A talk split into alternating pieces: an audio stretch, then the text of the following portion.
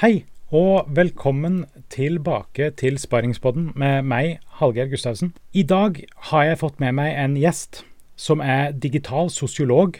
Jeg skal komme litt tilbake igjen til hva det betyr. Og endringsentusiast. Hun er gründer og kommunikatør, og har mange års erfaring med merkevarebygging, markedsføring og kommunikasjon i ulike former og bransjer. Hun jobber med strategisk vekst og kapasitet for utvikling og omstilling i virksomheter. Velkommen skal du være, Heidi Sperre.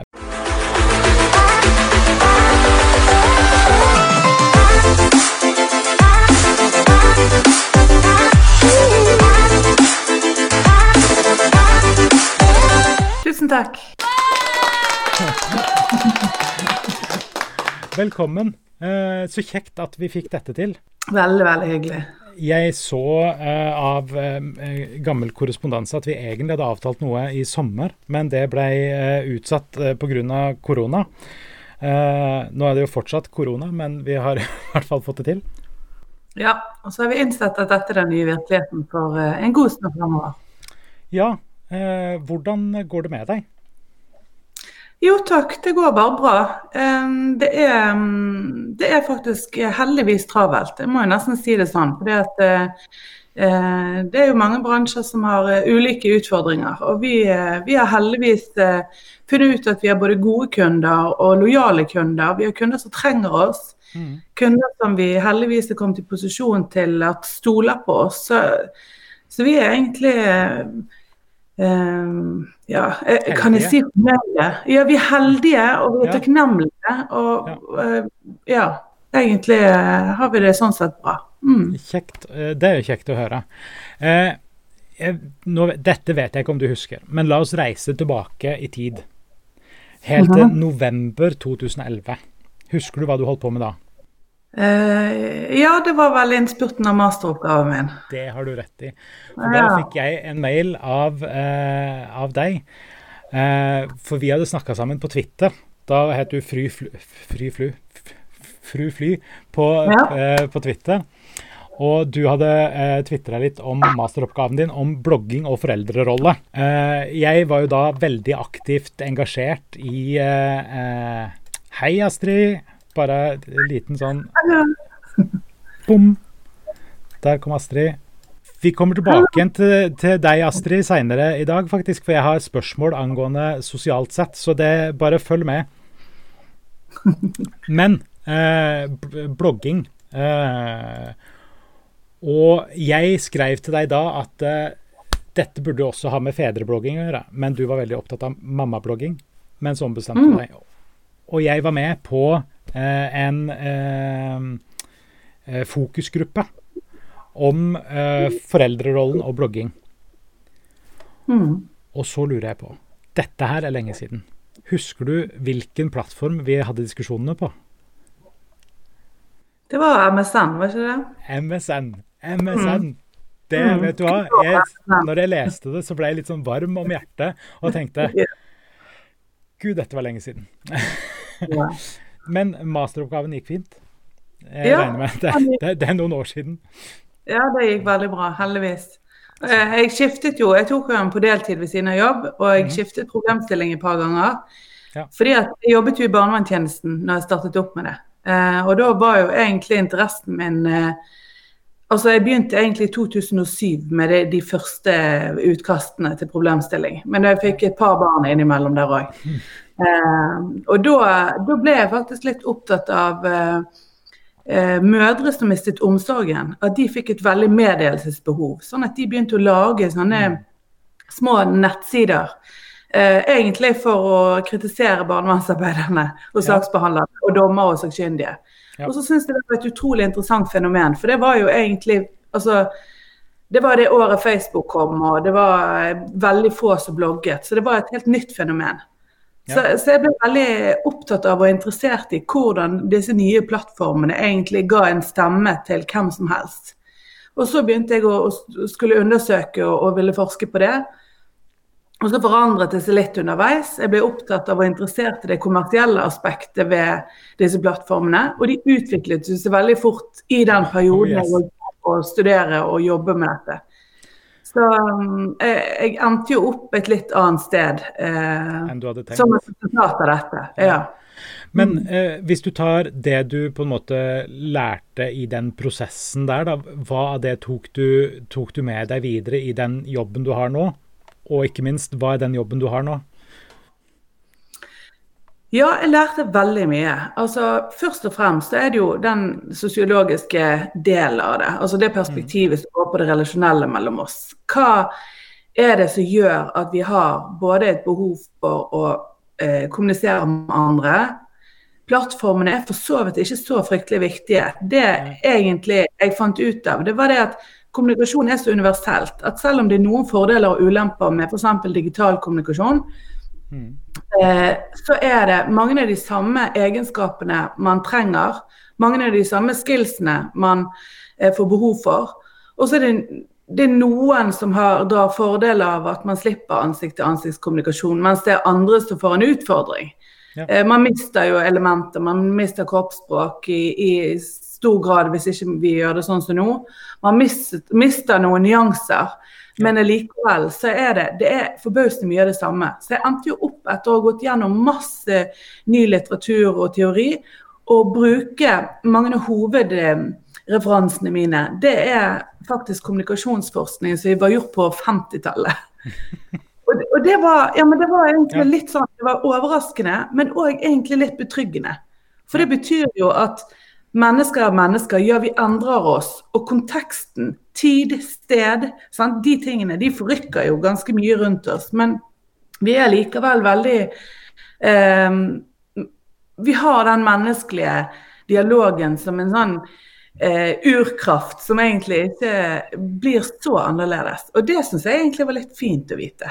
Eh, eller få bekreftet det.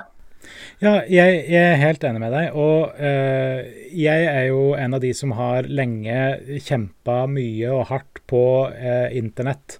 Uh, mot de som driver og snakker om at å, ungdommen nå til dags, ja du vet, de bare, sitter bare med datamaskinene sine eller ansiktet ned i mobiltelefonen. altså, jeg, jeg har drevet med sånn online MMO-RPG hvor du på en måte bruker skremmende mye tid på internett, for all del.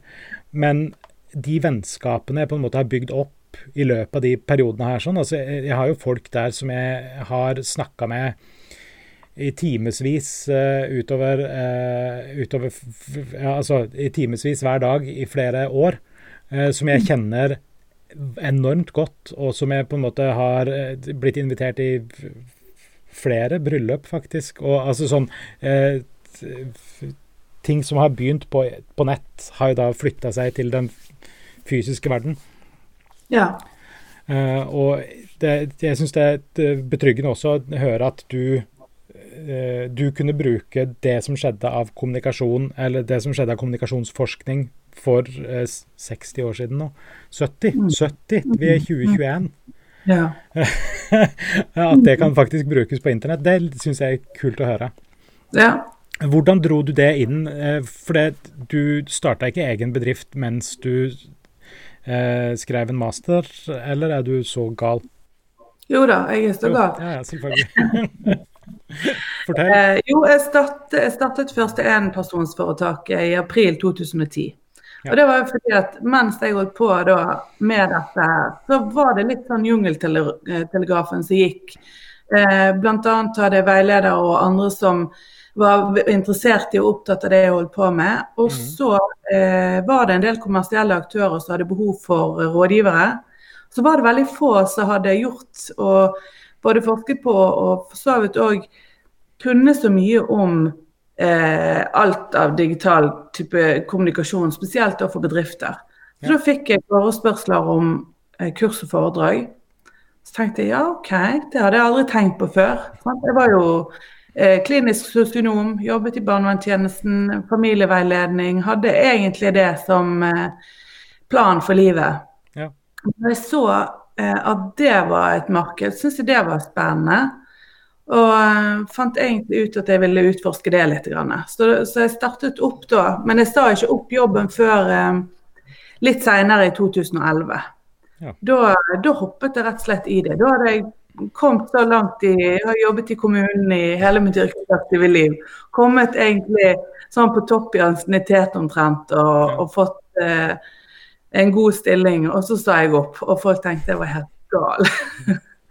Men, ja. men hva, hva, hva, var på en måte den tingen som, som, fikk deg til å gjøre det? Altså, hva var det som sa Nei, nå, nå er det nok. Nå, nå satser vi på dette. Det var veldig todelt. Eh, det ene er jo at jeg syns at altså, jeg, blir veldig engasjert i ting. Eh, og jeg syns dette med digital kommunikasjon og markedsføring var en superspennende eh, et superspennende fagfelt. og jeg ble veldig sånn giret. Plutselig fikk jeg for meg, som jeg aldri hadde tenkt, det å være gründer var en interessant og en spennende utfordring. og så må jeg si at jeg var veldig jeg det var tøft å jobbe førstelinjen i barnevernstjenesten. Og, og ja. eh, jobbe klinisk over mange år, eh, det tok på. Jeg hadde to små barn sjøl og kjente at dette her er grådig tøft. Eh, så jeg trengte litt pause fra det. Og så har jeg tenkt, og det har jeg jo muligheten til ennå, jeg har den utdanningen og den erfaringen, jeg kan alltid gå tilbake til det. Men nå er det et vindu der det er veldig få som er i samme situasjon. Her er på en måte min mulighet til å gå inn i denne bransjen og kanskje få det til. Så, så, jeg hoppet i det. Og da startet jeg fly. Ja. Hva, hva, vil du si at du liker best med det du gjør nå, da? Um, jeg elsker jo variasjon. Um, så må jo jeg si det at mens jeg holdt på å skrive masteroppgaven, og mens jeg jobbet i barnevernstjenesten og hadde to små, så var jo en del av feltarbeidet mitt for masteroppgaven, det var jo å blogge sjøl. Mm -hmm. Jeg um, har alltid vært veldig opptatt av interiør og design, så og det var liksom i bloggetidens eh, begynnelse. Vi var vel sånn ca. 20-30 bloggere på landsbasis som møttes og heiet på hverandre. Mm. Ja. Eh, og når du holder på med det, så skriver du, du tar bilder, du lærer deg HTML, du kjøper Photoshop og blir en racer og selvlært grafisk designer. Eh, ja. Sånn at de tingene som jeg hadde lært meg da, det fikk jo jeg tatt med meg. Og det der å være en sånn potet og få drive med foto, eh, gjøre mye av hobbyene mine ja. inni jobben, det var jo en kjempebonus. Så, eh, men det har forandret seg litt. Altså, før var jeg mye mer ute på oppdrag og gjorde mye mer hands on av de tingene som jeg nevnte nå. Ja. Mens eh, etter hvert så eh, har jeg nok eh, blitt mye mer interessert i, i den strategiske biten. Eh, og, og, hjelpe gjerne eh, litt mer sånn fra begynnelsen av hvordan et, eh, en virksomhet eh, skal jobbe. Ikke bare at de skal sette i gang og produsere innhold og, og få det ut, men, eh, men, at det tar del i en litt, mer, en litt større strategisk prosess. Ja. Um, ja, for, dere, da har du hatt uh, fly i ti år nå? Om det er tiårsjubileum i år, da? Nei, nå er det elleve, ja. Elleve, ja. ja. Uh, hvor, du sa at du er selvfølgelig takknemlig for de kundene dere har, og sånt, men, men hvilke type kunder har dere? Hva, hva gjør dere av, uh, av, arbeid for de, og hva er det dere er best på? Hmm.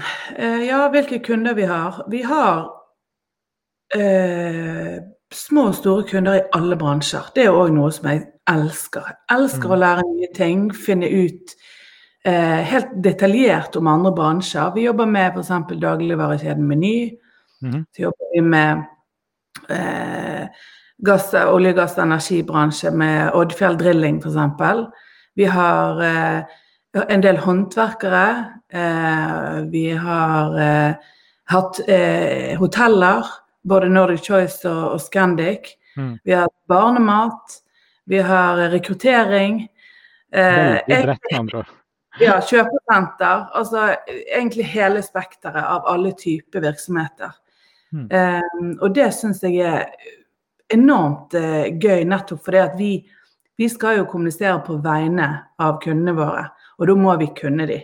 Da må vi lære oss såpass mye at vi kan passere som egentlig inhouse-ressurs. Ja. Det, Ja, ja. Det er veldig viktig.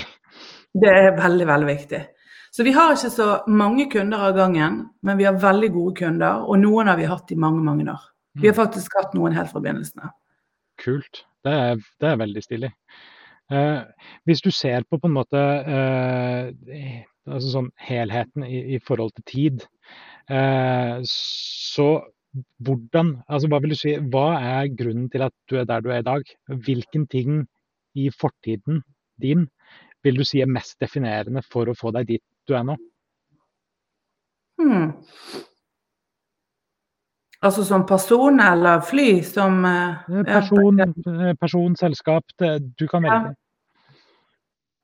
Eh, jeg tror jo det er altså Nøkkelen er jo litt det som jeg nevnte, at det der å være både vitebegjærlig og være veldig engasjert. Altså, Mm. jeg tror alle kan si, uansett hvem du møter i fly, eh, selv om det er ofte meg som er ansikt utad, så, så er vi ganske like. Vi blir veldig fort engasjerte. Vi er veldig påkoblet, altså veldig til stede. Vi er superfleksible i den forstand at eh, det, vi har utrolig kort responstid, og det nesten spiller ingen rolle mm, tid og sted. Vi, vi fikser og vi er hjelper. ja. Ja, Vi er veldig ja, vi er veldig løsningsorienterte. Men så vil jo jeg òg si at uh, vi er fagsterke. Og det er den kompetansen som du får samlet hos oss, Uh, ja, den er enormt bra. Og det er jeg veldig opptatt av, at sånn skal det være hele tiden. Eh, Mm. Sånn at når jeg har sett at OK, nå ble jeg invitert i, inn i noen eh, strategiprosesser og spennende oppgaver med kunder eh, som jeg tenkte at jeg var kvalifisert for, men jeg allikevel ville vite mer om, så, så finner jeg ut av det. Eh, Så for et par år siden så tok jeg òg, eller jeg var ferdig i januar i fjor, så tok jeg òg et masterprogram på NHH om endringsledelse, innovasjon og omstilling. For det så jeg at var et økende behov hos kundene våre. At de sitter både på humankapital, men også på produktsiden med store utfordringer i forhold til både teknologi, men òg samfunnet for øvrig. At det, det utvikles i så enormt tempo. At jeg trengte også mer ressurser for å kunne imøtekomme de Mm. ønskene fra kundene om å være en god rådgiver og en sparingspartner. Mm. Eh, det, da begynte jeg på det studiet som het brytningstid, så jeg gikk på et eh, drøyt år. eh, Eller halvannet år. eh, Ved siden av jobb, som også var veldig krevende, men enormt givende i den forstand at det ga meg en enda større sånn trygghet i forhold til den rådgiverrollen som jeg har eh, for, for både eksisterende kunder, men også nye kunder nå. Ja, så holder du vel en del foredrag og sånt rundt omkring òg? Ja, både kurs Ikke så og foredrag. ikke så mye akkurat i det siste, kanskje. Eh, det, Nei, nei, Ja. dette året har vært litt annerledes på alle Ja. måter, som vi vet. Men, eh, og det savner jeg faktisk veldig. For det er en eh, Det var jo noe av det jeg begynte med. Ja. Det var noe av det jeg gjorde først. Og jeg, jeg er utrolig glad i den eh, formidlingsbiten av jobben min. Eh, det, så det, det håper jeg at det snart løsner, at vi kan få gjøre mer av. vi, vi krysser alle, både et, eh, meg, deg og alle som ser på, regner med krysser både fingre og tær og alt som er. Eh, hvis du kunne dratt 30 år tilbake igjen i tid og sagt Mm. noe til Heidi for 30 år siden, hva ville du sagt da? Hmm. Det er store og eksistensielle spørsmål, Hage. um, Fins det noen andre? Mm. Fins det noen andre interessante, eh, kanskje? Ja. Nei, altså um, Det er to ting som jeg tror har vært veldig typisk for min del eh, gjennom livet, som jeg kanskje skulle ha Jeg vet ikke om det hadde hjulpet, men eh, Og jeg, jeg liker ikke uttrykket i det hele tatt, men jeg er jo kanskje litt sånn typisk denne flink eh, pike Mm. som eh, streber etter at alt skal være fint, alt skal være greit. Jeg reparerer veldig fort hvis det er noe. Jeg klarer Jeg står lite i sånn mm, ubehag altså Sånn relasjonelt, så det er for så vidt bra. Det er jo en, fors en forsonende måte å være på, men, men, innimellom så kan jeg streve veldig for å på en måte gjøre alt veldig bra og veldig perfekt. Og, og jeg, av og til så tenker jeg at det kunne vært litt mer rufsete i, i kantene. Eh, også av og til i jobb. Altså, jeg er veldig strukturert, samtidig som jeg eh, jeg liker jo når det er litt sånn kreativt kaos, men jeg går veldig fort tilbake til at det skal være noe, det skal levere noe. Ja. Eh, men òg fordi at det har gjort at jeg, jeg jobber veldig, veldig mye, og egentlig altfor mye. Eh, jeg får dårlig samvittighet veldig, veldig fort. Og de to mm. henger litt sammen. Og jeg ser jo dessverre, jeg har to jenter, ja. og de er litt sånn Altså det der med dårlig samvittighet Jeg har jo prøvd å ikke snakke om det og ikke si det og ikke bruke ord engang. Ja. Men jeg ser at de gjør det. Eh, har dårlig samvittighet for venninner som Altså, det er nok et personlighetstrekk, så jeg tror kanskje det hadde vært vanskelig å snakke meg fra. Men jeg skulle ønske mm. at ja. kanskje kunne gjort det. Hvilke ting tror du eh, Heidi for 30 år siden ville vært mest imponert over med det du har nå i dag? Hmm. Eh, imponert og glad for at jeg har veldig mange av de samme folkene rundt meg. Men òg at det er Altså at jeg er egentlig den jeg, jeg er tro mot eh, meg sjøl eh, og mine verdier og min måte å se verden på, uten at jeg eh, ikke kan lære nye ting. Men det er noe med litt sånn kjernen. kjernen ja. Ja, jeg, jeg, tror faktisk det. For jeg var egentlig opptatt av um, Jeg var veldig sånn både samfunnsengasjert og, og opptatt av uh, Jeg ble jo sosionom for en grunn. Eh, av både uh, sånn type marginaliserte grupper og, og samfunnet, også når jeg var ganske ung. Ja. Og det, det, har jeg òg beholdt som en veldig kjerne i i livet og hvem jeg er, da. Ja, det tror jeg faktisk. Er det noe du tror, uh, tror hun ville vært flau over? Ja, altså, garantert. Eh, ja, altså Det der engasjementet gjør jo at jeg ofte mm, Altså Hoppe litt i ting? Hmm? Hoppe litt i ting?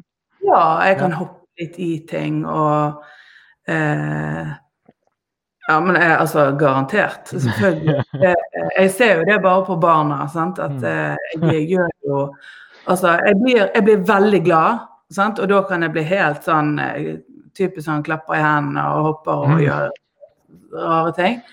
Eh, og så Jeg blir ikke kjempesint, men jeg, jeg, blir Jeg har på en måte litt sånn Temperament? Litt rå følelsene, da, som eh, eh, Ja.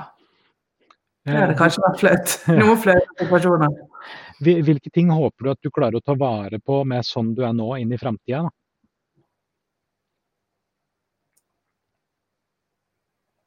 Ja, altså det er jo en del av det samme um, i forhold til at det er et uh, grunnleggende verdisyn at uansett hvem du møter på på veien og Eh, Jeg er stolt av å drive et byrå som har f.eks. kunden i fokus, ikke profitt. At jeg mhm. hele tiden tenker verdiskapning og ikke marginer.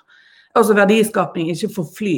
Altså for fly òg, men først og fremst gir en verdi til kundene våre, og at vi er stolt av alt vi leverer. Og Det tenker jeg at mange, tror jeg, i byråverden kan miste litt fokus på. At det blir en sånn mm. eh, Jeg kjenner jo en del som jobber i byrå. Det handler bare om timer og marginer, og det er et jag uten like. Og det er press fra alle kanter om å nå et eller annet mål. Og det syns jeg er utrolig deilig når jeg driver for meg sjøl.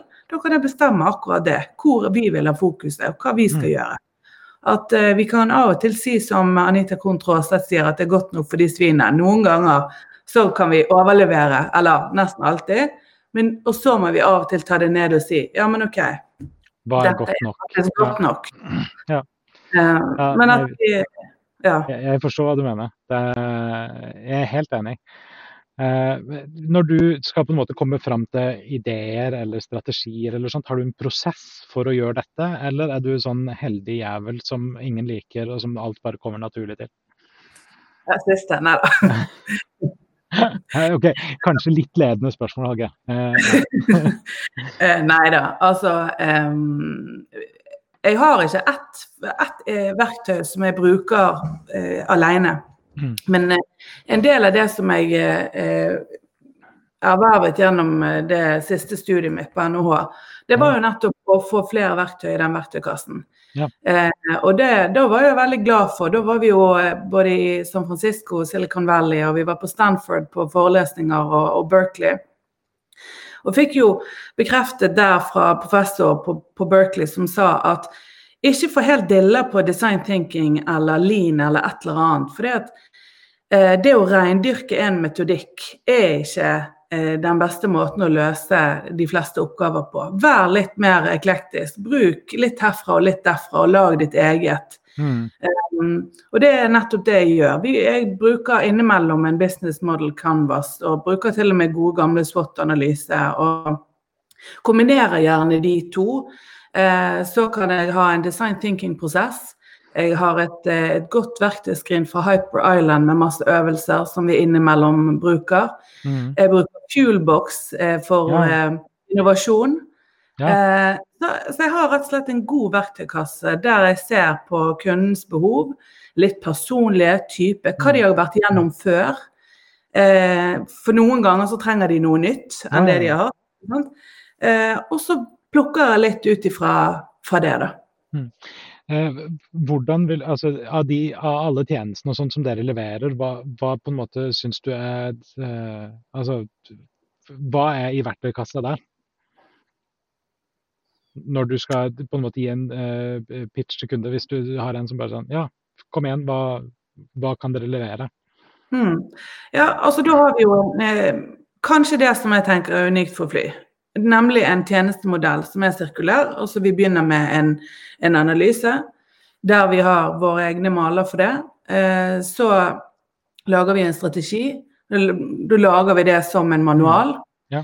Eh, og så lager vi innhold både kampanjer og sånn type hverdagsinnhold. Så distribuerer vi det, og så måler vi det, og så begynner vi på nytt igjen. Ja. Og det er veldig mange som har noen av disse tingene. Men det har vi en modell og maler for hele denne kundereisen som gjør at når du kommer da inn til oss, så leverer vi fra begynnelse til slutt. Og hvis det er store kunder som vi ser at ok, de har et enormt f.eks. promoteringsbudsjett eller et eller annet som de skal distribuere mye. Det, da kan vi av og til knytte til oss noen. Eller vi har altfor altså, kjempestore filmproduksjoner eller et eller annet sånt. Så kan vi knytte til oss spesialister innenfor de ulike områdene og samarbeide med andre byråer. Ja. Men vi begynner å få såpass mye både kompetanse og eh, kapasitet in, internt hos oss at vi, vi løser egentlig veldig mange av disse oppgavene. Og så gjør vi jo det som en Vi har fastavtaler. Altså vi har rett og slett månedsavtaler med de fleste kundene våre. Der vi eh, er blitt enige om et omfang ut fra budsjett. Hva vi faktisk leverer for dem. Og så tikker det og går.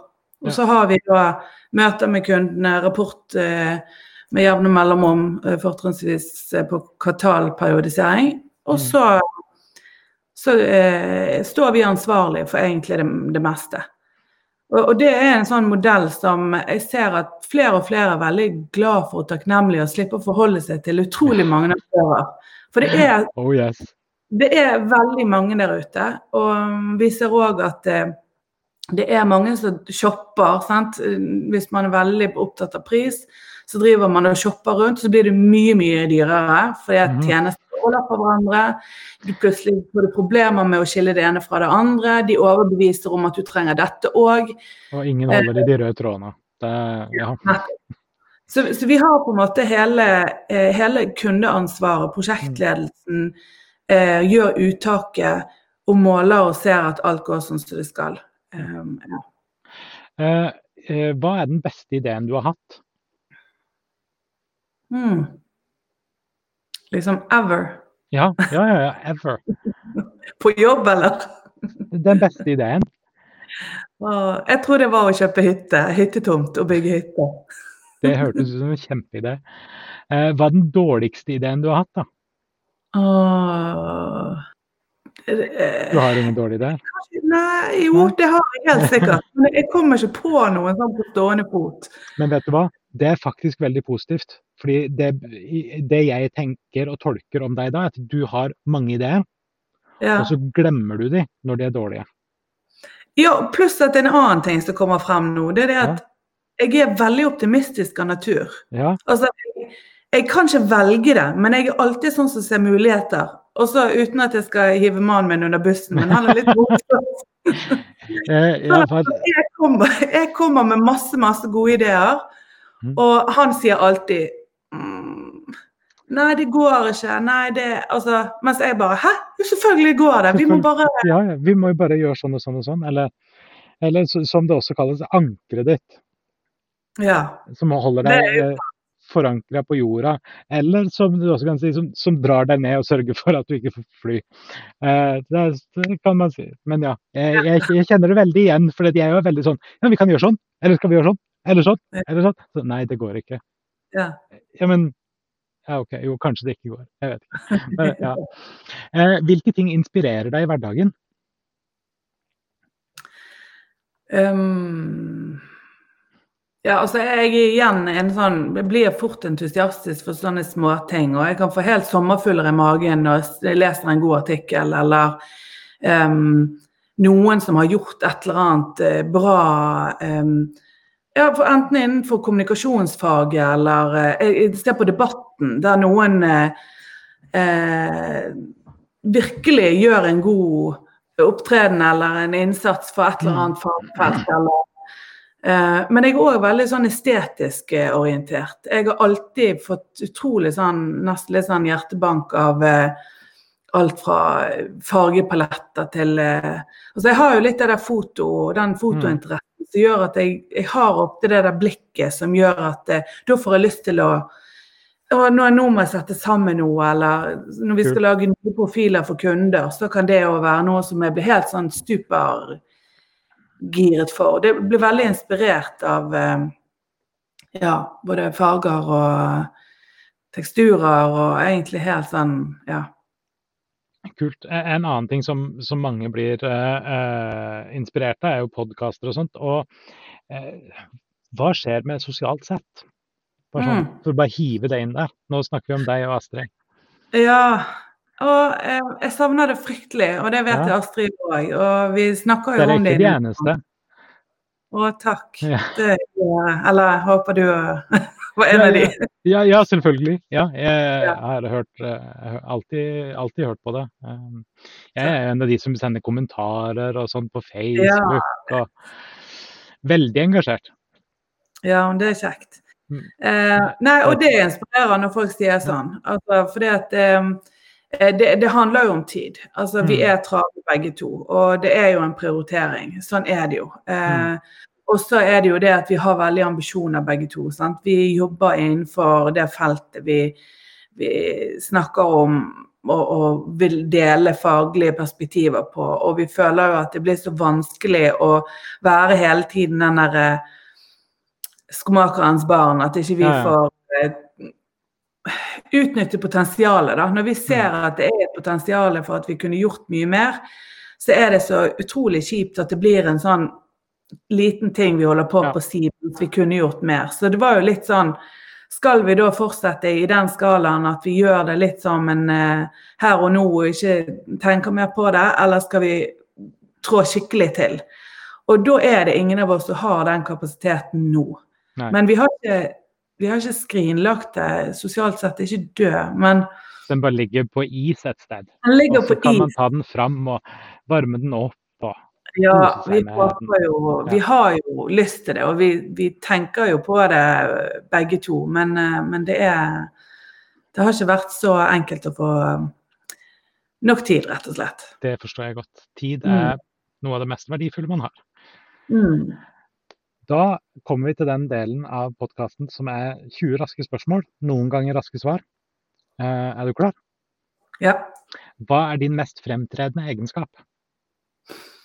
Hmm. Nei, jeg tror nok det er engasjementet, optimismen. Hvilke kvaliteter liker du hos andre mennesker? Det blir jo litt sånn standard, eh, men ærlighet og, og uh, oppriktighet. Mm. Hva, hva, verdsetter du mest hos din beste venn? Mm, det, blir, det, blir, faktisk eh, absolutt ærlighet. Så syns jeg humor er undervurdert. Litt sånn, eh, litt sånn spark. Eh, det ja. God humor kan over, eh, eh, veie opp for uh, lyve litt en gang iblant. Hva er din, hva er din største feil? Um, oh. Nei, altså det er noen ganger altså Det der å være f.eks. Eh, sta gjør jo at du av og til kan, eh, kan kanskje overse noe annet. Eh, men ja, så kanskje det, det er en feil jeg gjør iblant. Hvilket yrke beundrer du mest? det handler ikke så veldig mye om yrket. Jeg kan like godt beundre Det er ambisjonen og det er ærgjerrigheten og yrkesstoltheten mer. Altså det kan være en som eh, kjører buss, eller en som eh, eh opererer eh, en hjerne. Har på en måte ingen forrang hos meg mm. hvis man bare er opptatt av å gjøre en god jobb. Mm. Hvordan, vil du, hvordan, vil du, definere lykke? Oi um... Nei, åh. Nei, det blir jo en sånn miks av trygghet og kjærlighet, men også, også utfordringer. Ja. For min del i hvert fall, så handler det om at det, det, hvis livet blir for statisk, så, så er ikke jeg eh, lykkelig nok. Så det blir jo en sånn balanse mellom kanskje de tre. Kjærlighet, lykke og opplevelser, utfordringer. Mm. Noe nytt innimellom. I din mening, hva ville vært den største ulykke? Ja, det er nok at, at noe skjer med de jeg er glad i. Mm. Barna mine, selvfølgelig. Mm. Hvordan skulle du ønske at du ble huska? Snill. Godhjertet. Eh, kjærlig. Hvor i verden mm. ville du helst bodd? Ingenting er som Bergen, da. det, det, er så himla typisk bergensere. Det er sånn, hvor, hvor, ville du bodd hvor som helst i hele verden? Bergen.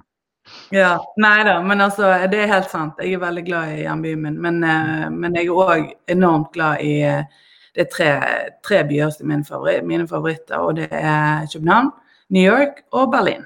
Og alle de tre, gang, uh, tre byene har jeg vært i mange ganger og er veldig, veldig glad i. Hva er favorittfargen din? Hmm. Spørs hva jeg skal bruke den på. Men uh, gul er jo sånn som så blir veldig godt humør. Veldig pop-poppis nå. Uh, hvem er din uh, favorittforfatter? Mm. Jeg liker veldig godt norsk samtidslitteratur. Samtidig så Jeg er jo egentlig en, en ordentlig lesehest. Det er mer enkeltbøker enn en enkeltforfatter. Mm.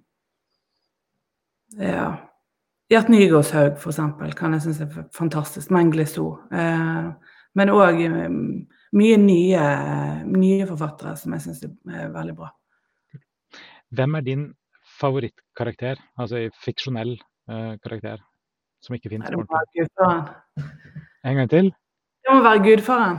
Ja, jeg er veldig, veldig, veldig glad i mafiafilmer. Stilig. Eh, hvem er favorittmusiker? Lenny Kravitz. Favorittartist?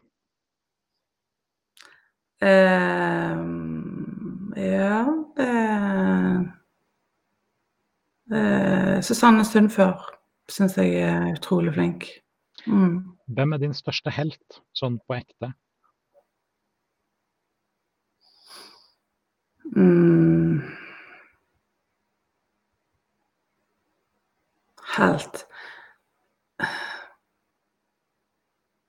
Nei, altså jeg har ingen sånn stor sånn ledestjerne. Det blir jo eh, eh, det er jo òg litt sånn etter hvilket eh, område i livet og fag og sånn familie, så har du noen og så, så jeg har egentlig ikke et, en enkelt svar. Jeg kan jo si Obama og sånn, Ja. men eh, det er jo Det husker jeg hvis jeg sendte inn eh, melding til eh, sosialt sett på på Facebook, faktisk, når dere hadde snakka så mye om Obama. Eh, Ja. Kan ta, ta det en annen ja. Hva gjør deg mest forbanna? eh, altså sånn tiltaksløshet, eller sånn veldig, veldig pessimisme blir jeg irritert av. Og så forbanna, altså det er jo litt sånn typisk sånn klassisk sånn rasisme og ignoranse og jeg, jo, jeg blir jo veldig politisk eh, interessert og, og Mm. engasjert. Eh, så det er òg Når jeg ser eksempel eh, eh, den her siste til Kadafi og hun eh, Altså Messian og sånn. Jeg, jeg blir altså så forbanna. Jeg kjenner jeg koker når jeg ser på Samtidig så er jeg jo sosionom, så jeg syns jo så synd på de. Altså sånn. For jeg tenker, De må jo oppleve forferdelige ting i livet sitt som har et så forvrengt syn på andre mennesker. Ja. Mm. Eh, hvilken naturlig egenskap ville du helst hatt? Um...